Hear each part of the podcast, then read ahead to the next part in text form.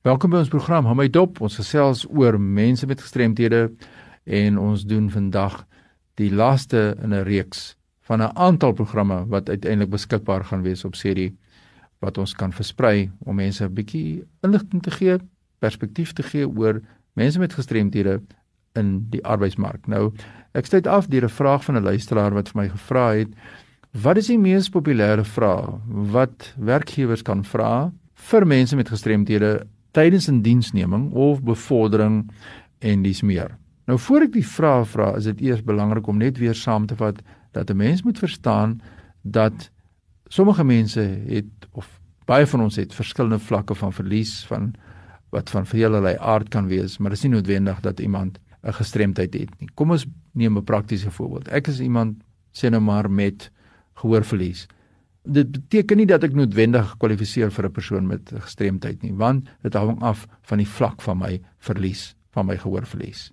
So dit is baie belangrik. Die tweede is wanneer ons aansoek doen vir 'n werk of aansoek doen vir bevordering, dan moet die werkgewer moet dan in 'n posisie wees om te weet wat wat is die impak van hierdie verlies om te bepaal of hierdie persoon nou eintlik nou 'n persoon met 'n gestremdheid is en of hy redelike akkommodasie moet toepas. So die vraag is the questions, the questions to clarify disability and reasonable accommodation requirements. Dit kom van 'n luisteraar. Nou kom ons kyk. Die eerste vraag is die werkgewer kan vra, "Are you aware of the type of reasonable accommodation you require?" It can be reasonable accommodation of devices, services, access to building or workplace. This is a reasonable request. Jy kan vra, "Is jy bewus van die tipe redelike akkommodasie wat jy nodig het. So as jy 'n persoon met 'n gestremdheid is, dan moet jy ten minste weet watter tipe redelike akkommodasie jy benodig wanneer jy 'n persoon is wat 'n werk soek. When you're a job seeker, you must make sure that you understand your own disability, your own impairment, that you are aware what type of reasonable accommodation you may require. So jy kan nie daar gaan sit voor die werkgewer en jy weet nie wat om te vra nie. Die werkgewer kan ook vra Okay, goed. Ja, jy weet nou wat se tipe, maar what specific reasonable accommodations do you require?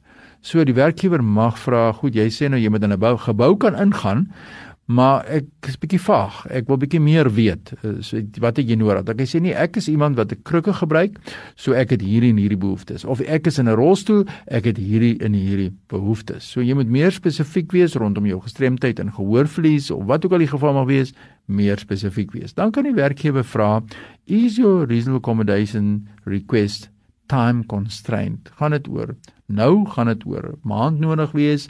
Is dit iets wat weer gaan terugkom? Terugkerend is van aard, wat is die die tydsfaktor? Is daar 'n tydfaktor gekoppel aan jou redelike akkommodasie? Want dit is billik. Die werkgewer moet weet ek het net 'n tydelike proses wat ek moet uh, akkommodasie doen of hierdie persoon gaan lewenslank hierdie op nodig het solank hy vir my werk, so ek moet nou 'n uh, uh, oprit I must now make provision to make my place accessible in terms of ramp or what it what the case may be. So dit is daardie gesprek wat so belangrik is oor tussen die werknemer en die werkgewer, werknemer met 'n gestremdheid en die werkgewer. Die volgende vraag wat die werkgewer kan vra na aanleiding van 'n vraag van die luisteraars is: What if any job function are you having difficulty performing with or without reasonable accommodation? So waarmee kry jy swaar? Jy moet weet. En dan die volgende vraag is: What limitation is interfering with your ability to perform your duties? So jy moet oop en eerlik kan wees en sê die feit dat ek byvoorbeeld nie kan hoor nie, het 'n gevolg dat ek nie goed oor die telefoon kan hoor nie. Want dan weet die werkgewer goed, kan ek die pos so verander of aanpas dat ek sê maar goed, jy kan net deur middel van e-posse kommunikeer. Is dit moontlik in die bepaalde werk waarvoor jy aansoek doen? Because you must be able to meet the minimum requirements of a specific job. En dis waar die onderhandeling proses dan ter sprake kom en wat meneer Beyker so baie duidelik uiteengesit het is. Daar's nie 'n vaste reëls nie. Dit is 'n flexible as you call it flexible situasie waarin jy moet begin om onderhandel om hier wetgewing as die raamwerk te gebruik.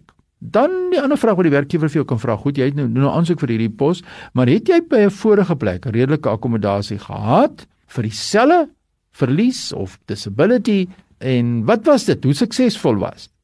Het dit gehelp? Dan kan jy sê ja, ek het net 'n rolstoelgebruiker en ek het 'n oprit nodig gehad en toe hulle vir my 'n oprit opgerig het en dit vir my in die badkamer voorsiening gemaak vir grypreelings dat ek kan na die toilet gaan. Toe was al die uitdagings was dan nou dan opgelos. So jy moet oop en eerlik met hom daaroor kan kommunikeer en jy moet verduidelik hoe dit jou gehelp het. En dan die laaste vraag wat die werkgewer kan vra en daarmee sluit ons hierdie reeks af oor die werkplek en dit is dat mense as ons kyk na die wetgewing sê please provide any additional information that might be useful in processing or assisting in your reasonable accommodation request. En dan kan hulle nog vir jou vra, maar is daar nog iets wat jy wil byvoeg?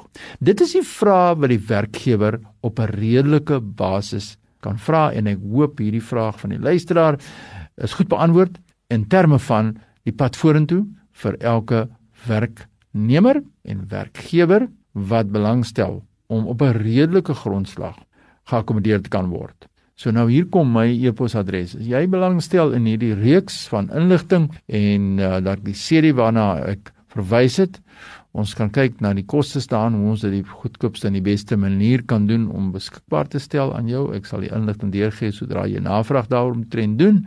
Dan kan ons baie kyk hoe ons die inligting by jou of jou werkgewer dan kan uitkry. My e-pos is fani.dt by mweb.co.za. fani.dt by mweb.co.za stuur sommer nou vir my e-pos. Jy kan ook 'n SMS stuur na 082 820 7358 merk dit net baie duidelik werksplasing of werkgeleenthede of arbeidsaangeleenthede wat op jou in jou gedagte die eerste ding opkom dat ek net 'n aanduiding het dat dit gaan oor hierdie programme wat handel het oor werksplek, werksomgewing en toegang tot gelyke geleenthede vir alle mense wat graag wil werk maar dit as gevolg van hul verlies en gestremdheid weerhou word om op 'n gelyke grondslag te kan meeding. En die antwoord is in die wetgewing: kom ons gesels. Kom ons doen redelike akkommodasie en dit is 'n gesprek, dis 'n redelike gesprek tussen die werkgewer en die werknemer.